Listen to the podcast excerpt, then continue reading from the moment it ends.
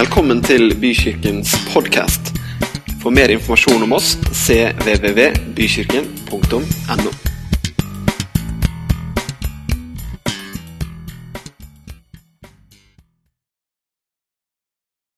Takk for at du er en Gud som eh, ikke lar deg begrense av noe, men du er over. Du er større. Du har all makt. Og hvis vi åpner livene våre for deg, så kommer du inn, og så hjelper du, og så styrker du, og så frelser du oss og er med oss. Det er vi så utrolig takknemlige for. Takker deg, gode Gud. Takk for denne stunda vi får ha sammen nå, Herre. Takk for at ditt ord, det er levende. Takk for at det evner å snakke inn i livene våre, inn i hverdagen vår og inn i festdagen vår. Takk for din enorme kjærlighet som du har utøst i våre hjerter. Å, du er så bra. Å, du er så god. Og derfor så kan vi lene livene våre på deg. Vi kan bygge dem på deg. Ditt ord er grunnvollen. Vi kan få stå trygt. Uansett hva som skulle skje, så er det sånn at vi som tror på Han, vi kan bli stående gjennom alt. Takk, far.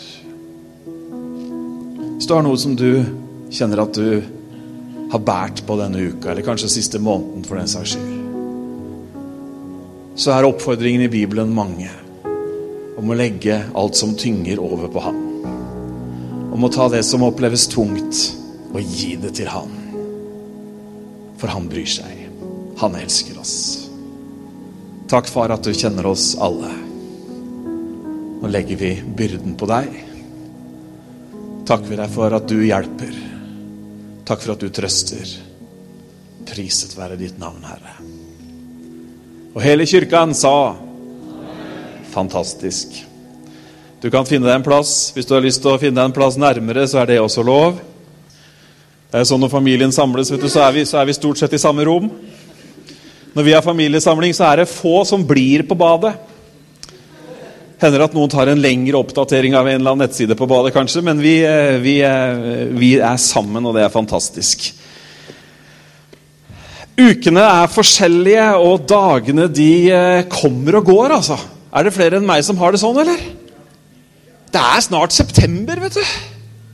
Og hverdagen har jo kommet i rekordfart. Alle jeg har snakka med i år, de føler at det, det ble bråstart etter ferien. Noen som vært, noen som har hatt bråstart? Ja, det er enda flere enn de jeg snakka med, som har hatt litt bråstart. Mens noen har ikke starta ennå, så dere er jo heldige. Og noen av oss andre vi holder krampaktig tak på sommeren og spiser ute så fort det er over 12 grader. Dere, det er jo veldig bra. Men det som er ekstra bra, det er faktisk at vi får komme sammen sånn som vi gjør nå. Jeg har utrolig stor tro på det som vi gjør akkurat her nå. Ja, det bør du jo ha. Du er jo ansatt her, så du bør jo ha tro på dette her. Jeg hadde tro på det før jeg ble ansatt her også. Jeg har en sånn ubestridelig tro på menighet og på Guds kirke. Ja, det var et par andre som også hadde det. Det er hyggelig. Da er vi kommet på rett plass. Men jeg, har, altså, jeg skal snakke litt om det. du vet. Ordet kirke, det bringer jo, eller menighet, det bringer jo opp minst like mange assosiasjoner som det det er mennesker her akkurat nå. ikke sant? Noen av dere var tilbake til eh, søndagsskolen med fisk, gullfisk i nettet. Noen husker en eller annen menighetshistorie de var med på som ble helt annerledes enn det de hadde tenkt, osv. Det er så mange assosiasjoner bare man sier kirke. Og jeg møter, Når jeg møter folk som ikke er en del av kirke, og så spør de hva jeg driver med, og sier at jeg jobber i kirke, så måler de meg noen ganger opp og ned, og så får de det ikke helt til å stemme. Og Jeg snakka med ei dame her om var det forrige uke. som, Hun har ikke vært mye i kirke, kan du si. Men hun ble litt, litt sånn nysgjerrig, for det var liksom ja, å ja, dere, Hele familien er der, ja. Ja. ja. Hver søndag? Ja. Så det er liksom familieaktivitet, det. Ja, du kan jo på en måte kalle det det. Ble litt Åssen er det egentlig der? Nei, det er jo Hvis du bare har vært i statskirka, så kan det hende du syns det er litt annerledes. Vi har liksom, Det er jo band, og det er jo Prøvde liksom å liksom danne et bilde, og så sier hun litt sånn treff Ja, så det er litt mer trøkk, liksom? Ja, det er også en måte å si det på, sa jeg. Og du eh, Ja, i alle fall. Det spørs hva du sammenligner med. Og kanskje også sånn internt, da.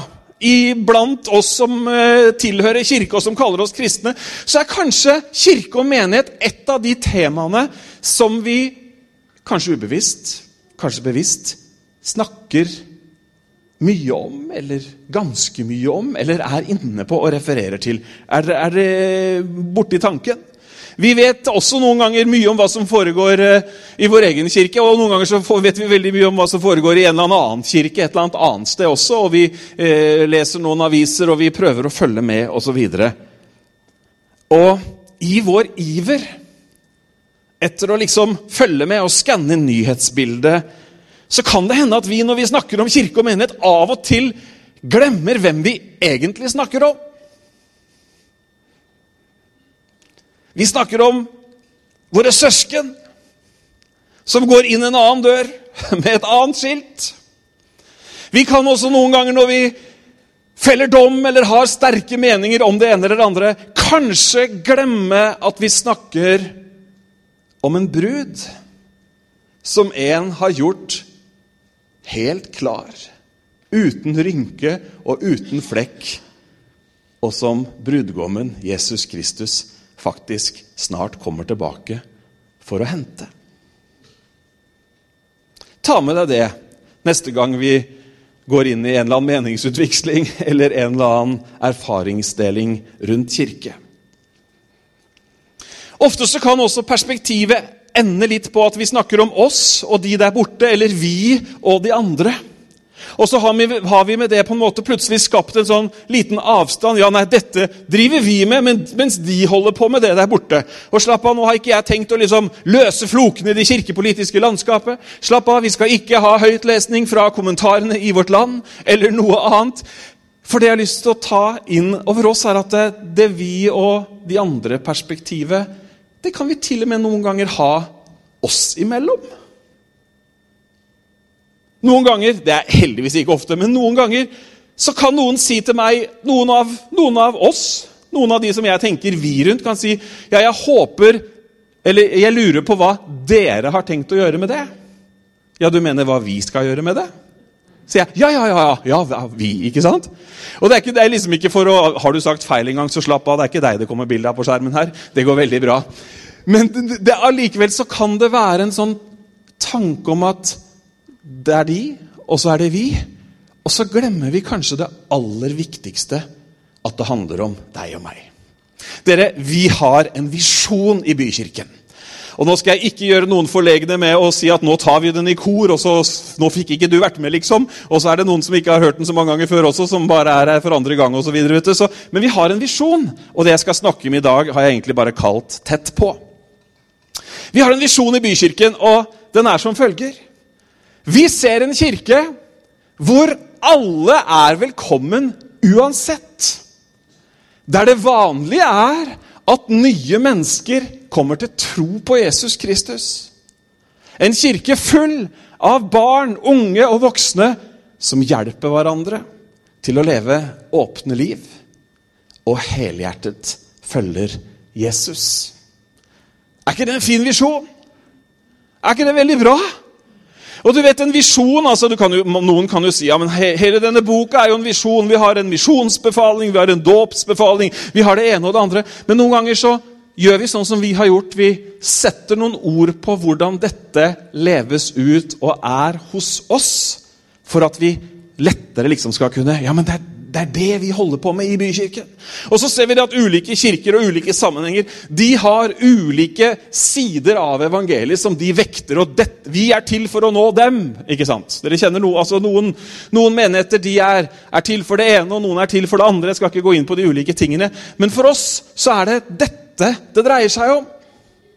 Det dreier seg om en kirke hvor folk faktisk er velkommen uansett. Og jeg har laga en annen versjon av denne visjonen som jeg har lyst til at du skal få med deg nå. En versjon som eh, Du trenger ikke å ta den riktig enda, men en visjon som ikke bare tar vi-perspektivet, men som tar ditt perspektiv. Som tar jeg-perspektivet. For i ulik grad så kan vi kanskje liksom tenke at vi kan identifisere oss med dette vi-et, og i dette vi-et så er det egentlig de andre osv. Men hvordan ser dette ut i jeg-form? Neste bilde, Asbjørn.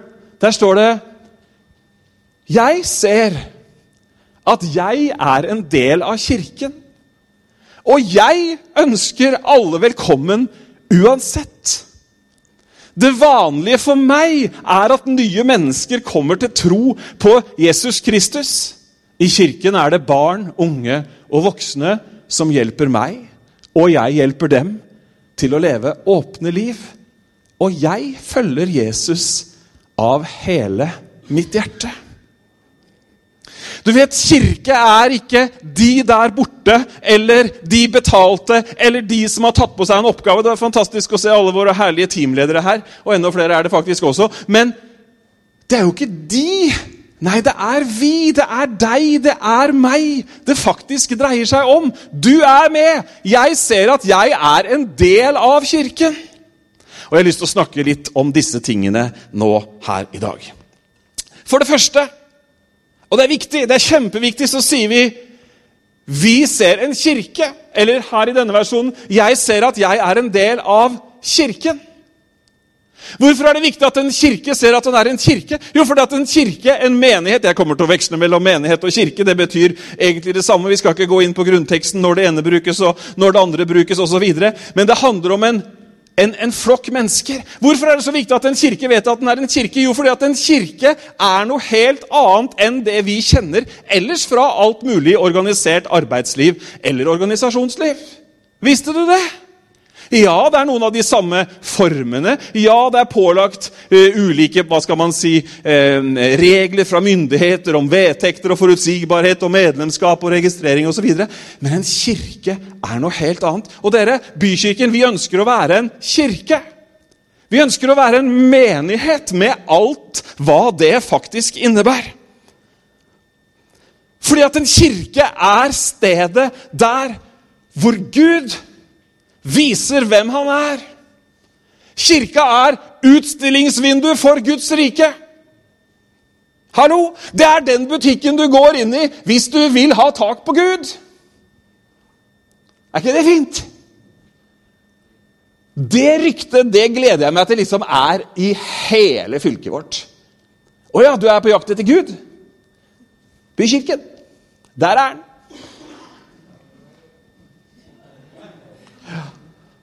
Det er, eh, det er godt og varmt her i dag. Dere, Gud har en plan. Vi skal, vi skal, du skal få et skrift til snart. Nemlig at det skulle finnes steder på jorda der hvor hans godhet, hans nåde, hans enorme kraft ble demonstrert.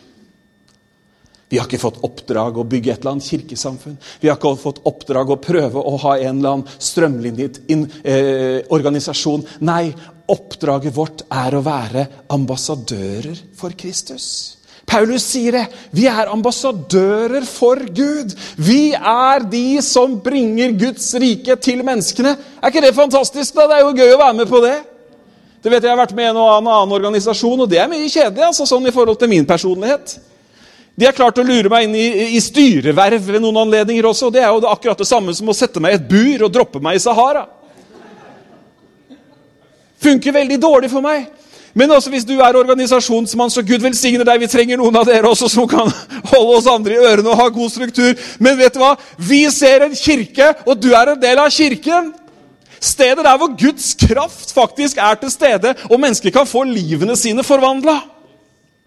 Og vet du hva, Det dreier seg ikke bare om kirken, den globale, den store, symboltunge greia som liksom Ja, kirken, hvem er nå det i en eller annen form? Nei, det dreier seg om den lokale menighet. Den verdensomspennende kirken har et uttrykk, og det er lokale, livskraftige menigheter hvor mennesker som sitter i skitten, som har gått på trynet, som ikke kjenner seg gode nok, og som ikke får livet til, kan møte Gud. Få tilgivelse. Få syndene fjerna, skammen bort, og få komme i kontakt med Han som har skapt dem. Hvilket budskap! Skjønner du at jeg er litt over gjennomsnittet begeistra for at vi er en kirke? Ja. Jeg tror du har fått det med, det.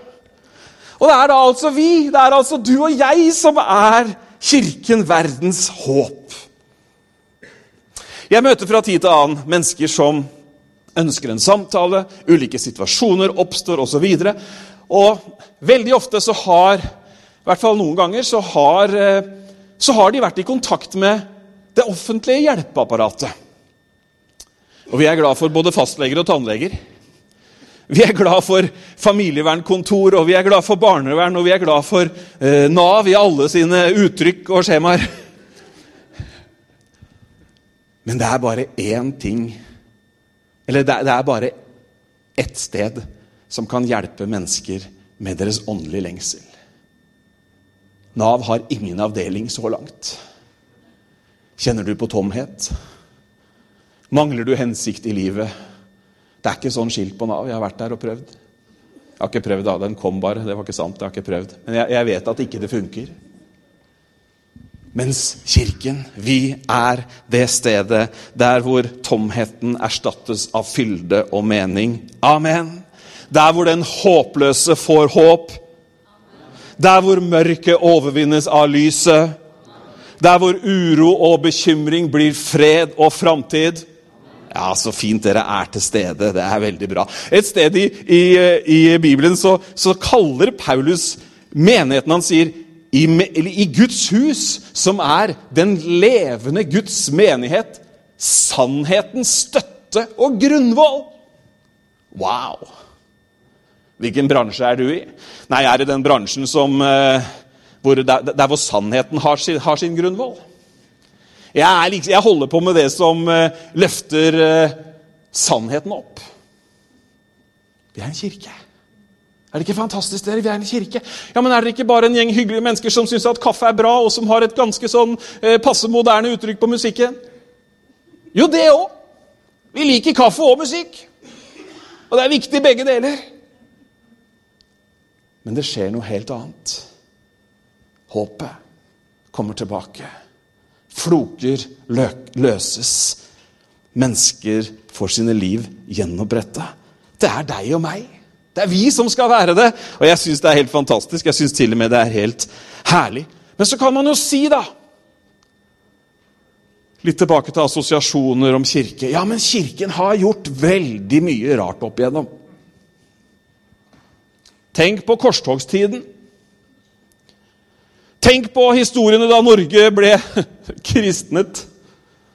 For å si det sånn, det var ikke lavterskelsgudstjenester som fikk folk med på laget. Det var sverd og rustning. Tvang.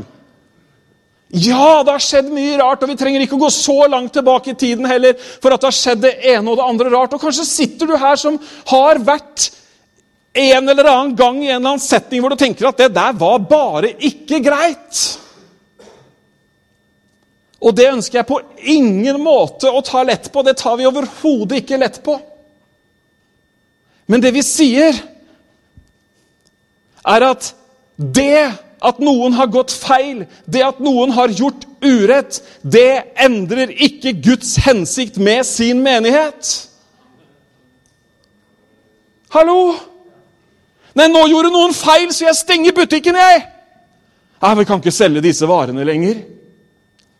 Nei, vet du hva? Det endrer ikke den opprinnelige hensikten til menighet i det hele tatt. Og Det er derfor jeg inviterer deg til å låne ditt øre til det, ser, til det jeg sier i dag, og til å også inkludere deg selv i en del av kirken som sier at 'jeg er kirken'. Fordi at hensikten til Gud med at kirken, menigheten, skal eksistere, den er akkurat den samme. Det er veldig viktig. Og ikke, og ikke på en måte bli fanget i en unnskyldning eller i en bitterhet, men heller søke det opprinnelige. Den opprinnelige hensikten. At folk har gått feil, endrer ikke vårt kall. Og vet du hva? At folk har gjort feil eller det er begått ting i Guds navn, det forandrer heller ikke Guds løfter. Tror jeg må si det en gang til, så du får det med deg. Det forandrer heller ikke Guds løfter. De er sanne fortsatt for deg i ditt liv. Vi tar et felles amen. Så bra. Matteus 16, 18 sier, følgende, sier følgende. Vi leser det sammen. Skal vi gjøre det? Ja, vi gjør det. Én, to, tre. Og det sier jeg deg, du er Peter. Fantastisk! Vi har et bibelvers til. Jeg har snakka mye om den opprinnelige hensikt, og vi ser det i Efeserbrevet kapittel 3. Vi leser det også. Én, to, tre. Her står det altså, holdt på å si svart på hvitt, men det står hvitt på svart. Slik skulle nå hans mangfoldige visdom gjennom Kirken bli kunngjort for maktene og myndighetene.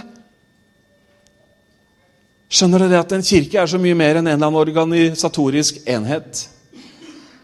Det er Guds ambassade, om du vil. Dette var Guds forsett. Det er den kirken vi ser. Jeg håper du kan si det for deg selv. Jeg er en del av kirken. Vi går videre. Tilbake til uh, visjonen. Og jeg ønsker alle velkommen uansett. Nei, det var mye lettere når det var Kirken som ønsker alle velkommen uansett. For da kan jeg jeg kan gå litt bort der når de kommer Oi, skal vi se. Da kan jeg gå litt bort der når de kommer, for de der de har jeg ikke helt sansen for at kan komme. Nei, sånn er det jo ingen som tenker. Nei, det er i hvert fall ingen som sier det, men det er noen som gjør sånn noen ganger fordi at man tenker nei, de er for meg, og de er for dem, og osv. osv. Er du med på tanken? Jesus sto midt i denne her problematikken all the time. Han fikk hele tiden kjeft og bråk fordi at han hang med feil folk.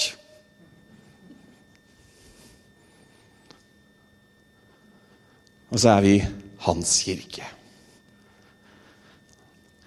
Vi drømmer om en kirke som henger med feil folk.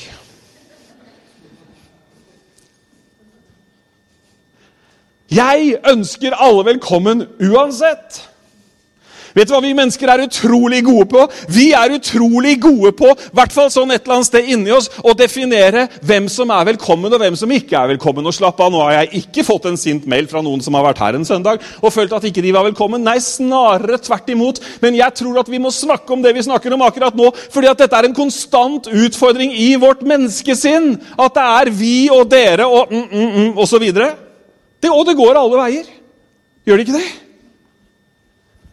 Jeg ønsker alle velkommen uansett.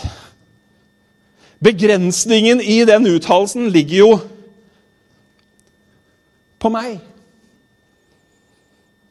Hvorvidt jeg ønsker alle velkommen eller ikke. Det passer ikke for han, det der, vet du.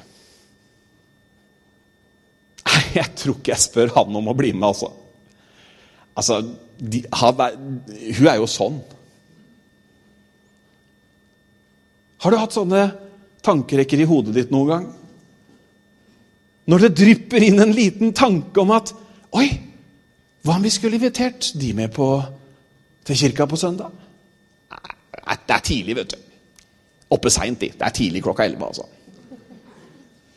Det er morsomme unnskyldninger vi har noen ganger. La folk komme med unnskyldninger sjæl! Hallo! La de si at det passer ikke! Og så bestem deg på forhånd at du ikke går i skyttergraven og åndskampen fordi at det var noen som allerede var booka. Jeg har noen, jeg har noen som jeg har invitert sånn to-tre ganger nå. Og vet du hva, de, jeg, Vi er fortsatt like gode venner. Vi snakker fortsatt sammen når vi treffes i nabolag osv. Det er bare at de to siste gangene jeg har invitert dem, så har jeg vært veldig seint ute. Og det har rett og slett ikke passa. Jeg tror ikke det er at de på død og liv ikke vil det. altså. Jeg har tenkt å invitere igjen, jeg. Alle er velkommen uansett. Dere, måtte dette stedet fylles av sakkeuser, svindlere, bartimeuser, illeluktende folk og godtluktende folk. Hvorfor? For de trenger å møte Gud. Vet du, jeg, jeg er stolt av min, eh, av min stamtavle og min oppvekst. Og du vet, når jeg vokste opp, så hadde jeg altså Dette er ikke tull engang. Jeg hadde sett flere rusa folk ved å gå på møtene vi hadde i kirka vår, enn det jeg hadde vært eksponert for ellers sånn i bybildet. Det er ikke tull. Altså, Jeg lærte mer om, om, om, eh, stoffer og dop og eh, det ene og det andre jeg liksom ved å, ved å dukke opp i, i, kirka, enn det jeg hadde vært eksponert for ellers. Ja, nå må vi passe oss. Nei, vet du hva? Alle var velkommen uansett. Jeg ønsker alle velkommen. Det er du og jeg som er velkomsten, det er vi som er velkomstkomiteen. Og vi må stille oss spørsmålet Er alle velkommen? Har jeg plass? Eller må jeg utvide hjertet mitt? Skal jeg være den som avgjør om folk får komme eller ikke? Eller hvordan kan jeg med min hjertevarme og med Gud på innsiden av meg sørge for at de som kommer, trives? Jeg har i hvert fall lyst til å gi oss en sånn vi kan ta med oss bak øret. La oss ikke være den som tar avgjørelsen for andre om de får komme. Kom. Husker historien om det store gjestebudet. Han som sendte bud 'Nå er festen klar', finner det i Lukas' evangelium. Nå kan dere komme. Folk hadde unnskyldninger. Han sendte tjenerne ut gang på gang på gang. Hvorfor det? Jo, Herren som innbød, et bilde på Gud, sier 'gå ut en gang til, sånn at huset mitt kan bli fullt'. Sånn at huset mitt kan bli fullt. Jeg liker den setningen. Sånn at huset mitt kan bli fullt. Hm. I 1. Timoteus 2,4 så står det Han som vil at alle mennesker skal bli frelst og komme til sannhetserkjennelse. Og det står i Johannes 3,16.: Dette kan du utenat, men kanskje ikke alle husker det. For så høyt har Gud elsket verden at han ga sin sønn den enbårne, for at hver den som tror på ham, ikke skal gå fortapt, men ha evig liv. Men alle som tok imot ham, står det i Johannes 1,12, dem gav han rett til å bli Guds barn. Ser dere hvordan Guds kjærlighet er utstrekt mot alle? Den neste delen av eh, visjonen har jeg lyst til å si noe om. og Det, er, den, det er, en del som folk er ærlige på og sier at vet du hva, den, den der syns jeg er litt krevende akkurat der hvor jeg er nå. Det vanlige for meg er at nye mennesker kommer til tro på Jesus Kristus. Og Det er ikke bare de jeg snakker med, som syns at det er en eh, litt sånn eh, fjern beskrivelse av virkeligheten. Det er jevnt over i landet vårt, kanskje til og med også i verdensdelen vår. Så ser man ikke at det er hopetall. Men det skjer. Men hør her, dere. Dette er en visjon. Dette er et drømmebilde vi strekker oss mot. Dette er noe som vi tenker at er sånn som vi vil at det skal bli. Er du med? Det er derfor vi har en visjon. Vi har ikke en visjon for å slå oss i hodet. Det er liksom ikke en standard som dras opp og liksom sjekkliste. Du er ikke der og der og der. og der. Nei, det er noe vi strekker oss mot. Og så har vi kanskje gjort det litt vanskeligere enn det det egentlig er også. Og det henger litt sammen med det forrige, når vi tar nærmest avgjørelsen for folk, eller bestemmer om det passer for dem eller ikke å komme. Men dere, når noen mennesker kommer til tro, så er, noe, så er, det helt normalt at det skjer hvis de kommer hit. Hvis de er sammen med deg, hvis du bygger relasjon og du deler liv, så er det en helt naturlig ting at det skjer. Fikk du med deg det? Det er overnaturlig, det som skjer, men det er naturlig at det skjer. Med på tanken?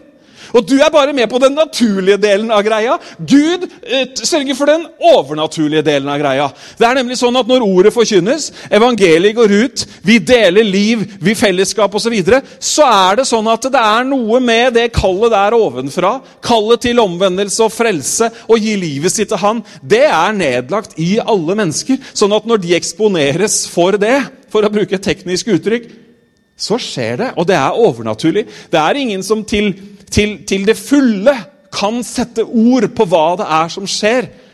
Paulus er kanskje den som leder konkurransen så langt. Når han beskriver den nye fødsel og ny skapning. og Han, han sier veldig mye bra. Mens noen ganger så tenker vi liksom at nei, er, vi skal jo på en eller annen måte få til dette her for de andre. vi da. Nei, det skal vi overhodet ikke. Det overnaturlige tar Gud seg av. Det naturlige tar vi oss av.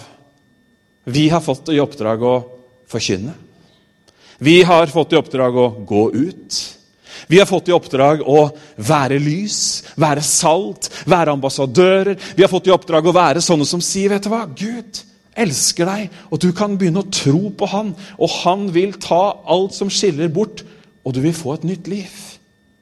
Men der stopper jobben vår. Jeg har aldri født noen på nytt. Det er herlig det vet du, når noen som er litt sånn nye, kommer, noen som, noen som kommer litt sånn ny til tro. De, de, har jo ikke alle frasene riktig, og det er helt nydelig. Og liksom når de liksom, ja nei, det er han som har frelst meg, sier de, og så er det en eller annen synlig person i, i forsamlingen. Nei, det er Jesus som har gjort det. Men jobben vår, oppdraget vårt, grunnen til at vi er til, er å være de som sier 'Kom, bli med til kirke'. Kom, bli med og møt Gud. Og vet du hva, det er helt uunngåelig at det skjer. Hvis man kommer og får høre evangeliet, så skjer det noe i menneskers liv. Så tror jeg virkelig at vi som kirke Jeg tror at du og jeg vi skal kjennetegnes av en hjertevarme og en interesse som gjør at folk føler seg sett. Og så skal vi kjennetegnes av et gudsnærvær og en tilstedeværelse av Den gode hellige ånd, som skaper tro og omvendelse. Amen. Da skjer det noe i livene. Ting begynner å endre seg. Mennesker begynner å tro. Og dette evangeliet, det er kraftig. Det er veldig kraftig. Det er mye kraftigere enn det vi egentlig kan forestille oss. I kirken er det barn, unge og voksne som hjelper meg, og jeg hjelper dem til å leve åpne liv. Og jeg følger Jesus av hele mitt hjerte. Dere, vi har ikke all verdens tid igjen, men dette, det, dette punktet er viktig for oss fordi vi tror på generasjonene. Jeg sier det igjen vi tror på generasjonene. Vi tror at de unge har noe å bidra med inn mot de eldre, og de eldre har noe å bidra med inn mot de unge. Vi tror at det er en rikdom, og jeg tror jeg fysisk setter ord på det omtrent hver uke i takkebønn, hvor jeg takker Gud for at vi er en, er en kirke hvor det er, om ikke alle, så i hvert fall de aller fleste generasjoner er representert. Vi tror det er viktig, og vi tror at, har, at, vi har noe å gi hverandre. Mer enn liksom en kopp kaffe eller en eske med pastiller. Jeg tror at vi bidrar inn ved tilstedeværelse, ved oppmuntring, ved å dele historier fra livet osv. Så, videre, så tror vi at det er en berikelse som går alle veier. Amen. Jeg tror det er viktig at barna våre får møte andre betydningsfulle voksne enn foreldrene sine, som deler en levende tro. Barn trenger foreldre, først og fremst, men barn trenger også, ikke minst når de vokser litt opp, andre betydningsfulle voksne som kan formidle tro og evangeliets kraft. Jeg, jeg, har, jeg, husker noen fra min oppvekst, jeg husker ikke engang etternavnet deres, men jeg husker fortsatt inntrykket historiene deres gjorde på meg. Historien om levd liv, om Herrens trofasthet. Og ikke minst det åndelige livet som man bare merka at de hadde. Og så trenger dere som er blitt litt eldre enn meg Vi trenger å holde øregangene våre myke. Med skrål og latter og løping og kaos i kafeen og kaffekopper som går over styr og unger som prater midt i gudstjenesten. Det er herlig! Nå skulle vi hatt et lite amen. Det er nydelig! Ja, så fint! Så bra. Noen som ikke har peiling på hvordan man skal oppføre seg i Guds hus. Det er godt. Det er sunt for oss. Amen. Kjempeviktig. Og du vet, noen ganger så, Jeg er blitt så gammel sjøl at noen ganger så syns til og med jeg at det kan ta av. Jeg har sittet mer enn én en gang her på første eller andre rad og forsøkt å høre hva som foregår her oppe, men det er helt umulig. For det, det, det koker rundt deg av ymse meninger og det ene og det andre. Det er, det er helt nydelig. Kan vi få et amen fra alle de over 50?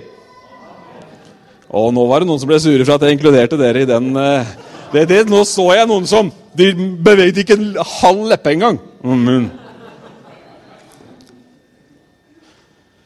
Og Vi er ikke gått i den fella vet du, og, se på barna ja, det er, bar, det er menighetens fremtid. Nei, det er menighetens nåtid mer enn noe annet. Yes! Det er så oppmuntrende å se. Jeg har lyst til å gi litt honnør. for jeg, jeg jeg, Noen er her i dag, og noen er ikke her i dag. Men vet du hva? jeg vet flere familier som nå lener seg fram og virkelig ønsker å få til et regelmessig gudstjenesteliv med barna på input. og som virkelig, Jeg vet, jeg vet hva honnør, jeg vet, noen, jeg vet hvordan sånne morgener kan være når du skal ut av huset med en hel bøling til klokka 11. For de har jo begynt dagen halv seks. Så du vet du er jo ferdig før egen, noen som, Ingen vet hva jeg snakker om? Jo da, noen vet men vet du hva? Honnør til dere som er i den fasen, og som vet at her er det viktig, det som skjer, faktisk. Amen. Så bra. Skal vi se, Da må vi gjøre en kort prioritering her. Da skal tre tettskrevne A4-sider bli til 5 15 minutt. Dere, dette skal vi gjøre. Vi har god nok tid. Hjelpe hverandre. Vi skal se en video nå som handler om å hjelpe hverandre. Så vi senker lyset på scenen, og så ser vi en videosnutt på litt over to minutter om det å hjelpe hverandre. Det er ikke teksta, men jeg tror du skjønner hva de sier. I've never seen anything like that. Hørte dere hva eh, hun eh, kvinnelige reporteren sa? Is this allowed? Vet du hva det er engelsk og betyr? Er dette lov? Da kan vi stoppe den. Det er lov å hjelpe hverandre. Jeg syns dette her er et helt nydelig bilde av hva kirke er. Er ikke fantastisk? Og vet du hva, Det var ikke bare en sånn bitte liten oppmuntring. 'Kom igjen, liksom. Kanskje du klarer det.' Han sa heller ikke 'Sett deg ned, du, Jonny, for nå, nå klarer du ikke mer'. Nei, han tok han. Tok armen over skuldrene og løp med han inn til mål. Og ikke bare til mål, men han skjøv han først over målstreken også. Ja, Det er lov å være bitte litt begeistra nå. For dette er altså et så nydelig bilde på hva det er vi holder på med, og på hva det er, hva det er å dele liv og stå sammen når ting blir vanskelig, når det er utfordrende. Vet du hva? Du trenger noen som har en sånn lille, Var det lillebror eller storebror som hjalp? Det husker jeg ikke. Det var lillebror som hjalp. Ja, stemmer.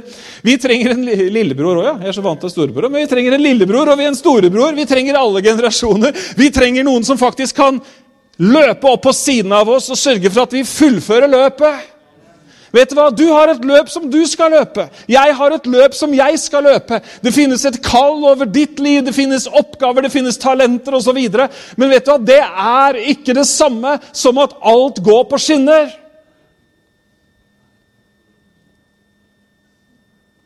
Jeg håper at du har, hvis ikke så skaff deg. Jeg håper at du har noen mennesker som du løper en distanse sammen med akkurat nå. Jeg har noen mennesker, og de er ikke her i dag, det er sikkert derfor de ikke er her i dag også, men som jeg driver og tar noen sånne distanser sammen med akkurat nå. Og Brevene til Paulus er fulle av det.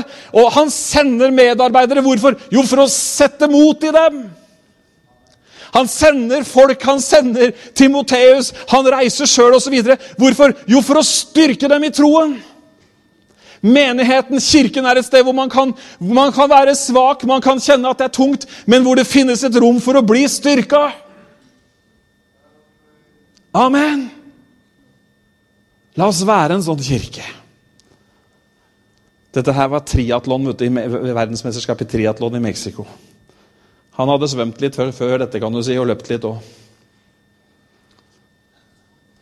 Og så spør de han i et intervju Hva tenkte du når du gjorde dette? Han er Alistair som kommer og hjelper. Og Så sier han jeg hørte én stemme inni hodet mitt. Og det var mamma sin stemme og hva hun hadde sagt hvis jeg ikke hadde hjulpet broren min.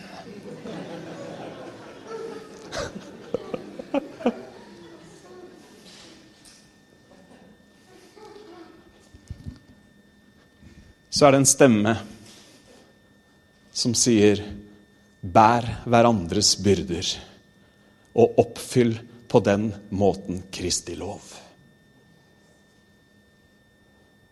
Så er det en stemme som ber oss om å åpne hjertene våre. Som ber oss om å vise gjestfrihet. Som ber oss om å hjelpe. Som til og med sier hvis du snur ryggen til din bror når du vet han har behov, er da Guds kjærlighet i ham? spør Paulus. Hjelpe hverandre. Ser dere det at det, det som vi liksom drar fram i ny og ne, og som du finner på nettsidene våre, som noen tenker at kanskje bare er en eller annen sånn vision statement Det er et innhold i det, dere. Det er en retning. Det sier noe om hva vi tror på. Og helt til slutt i det vi skal lovsangerne kan komme fram. Og Vi har egentlig allerede snakka om det.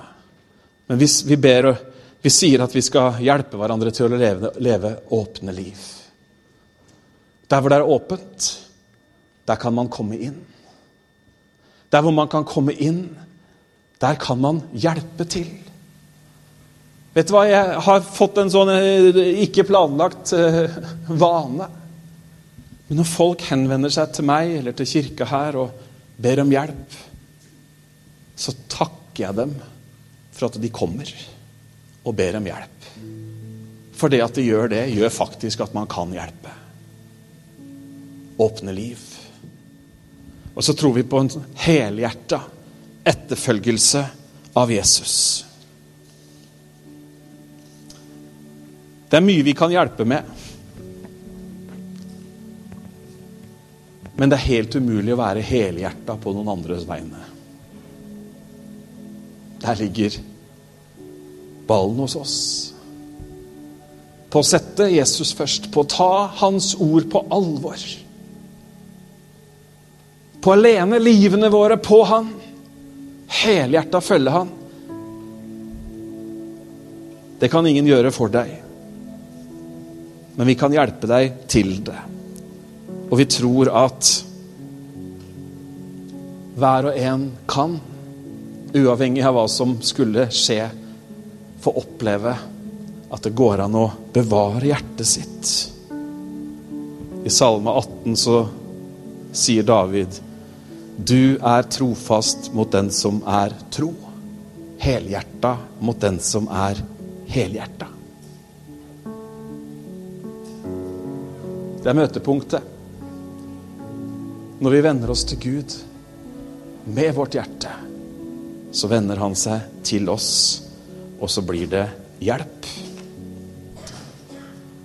Og jeg er så glad for at jeg er en del av en kirke. Jeg er så glad for at Kirken ikke er en annen organisasjon av en viss størrelse det er på avstand som jeg skal ha en politisk korrekt mening om. Men jeg er så glad for at du og jeg vi kan være levende steiner, som Peter underviser om. Så sier han at når vi, sånn som akkurat nå, når vi kommer sammen, så blir vi til en bolig for Gud i ånden. Noen tenker at ja, men det handler jo, det er vel ikke så farlig om jeg liksom faktisk møter opp en søndag eller ikke.